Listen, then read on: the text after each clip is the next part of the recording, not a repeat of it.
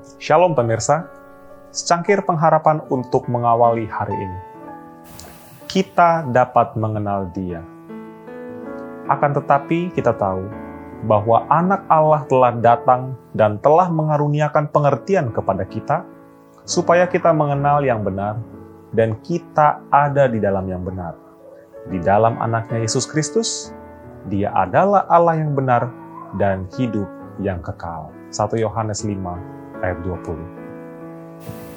Allah tidak pernah meminta kita mempercayai tanpa memberikan bukti yang cukup atas mana iman kita didasarkan. Adanya Allah, tabiatnya, kebenaran firman-Nya, semuanya telah diteguhkan melalui kesaksian yang menarik pikiran kita, dan kesaksian semacam ini berlimpah-limpah adanya. Namun demikian, Tuhan Allah tidak pernah menjauhkan kemungkinan bimbang. Iman kita haruslah didasarkan atas bukti, bukanlah di atas pertunjukan.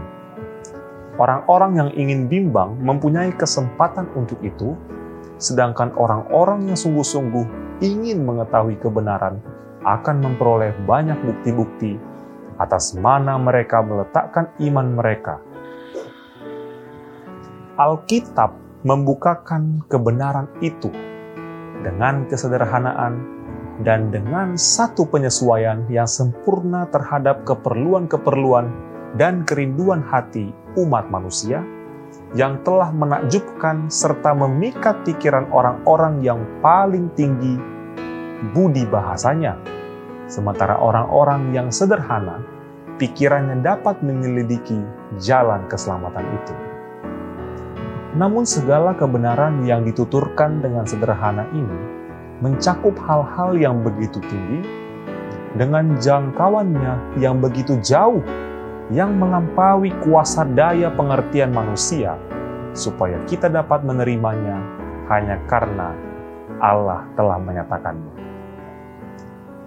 Oleh karena itulah rencana keselamatan ditaruh di hadapan kita dengan terbuka, supaya tiap-tiap jiwa dapat melihat langkah-langkah yang hendak diambilnya dalam pertobatan kepada Allah dan iman di dalam Tuhan kita, Yesus Kristus, supaya diselamatkan di dalam jalan yang telah disediakan Tuhan Allah, tetapi di bawah segala kebenaran ini, yang dengan mudah dipahami, terdapatlah rahasia-rahasia yang menutupi kemuliaannya.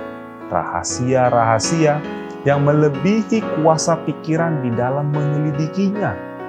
Namun demikian, mengilhami pencari kebenaran yang sungguh-sungguh dengan kemuliaan dan iman. Semakin diselidikinya Alkitab, semakin dalam keyakinannya bahwa itulah firman Allah yang hidup dan pertimbangan manusia tunduk di hadapan kenyataan kemuliaan ilahi. Demikianlah renungan kita hari ini selalu mulai harimu dengan secangkir pengharapan.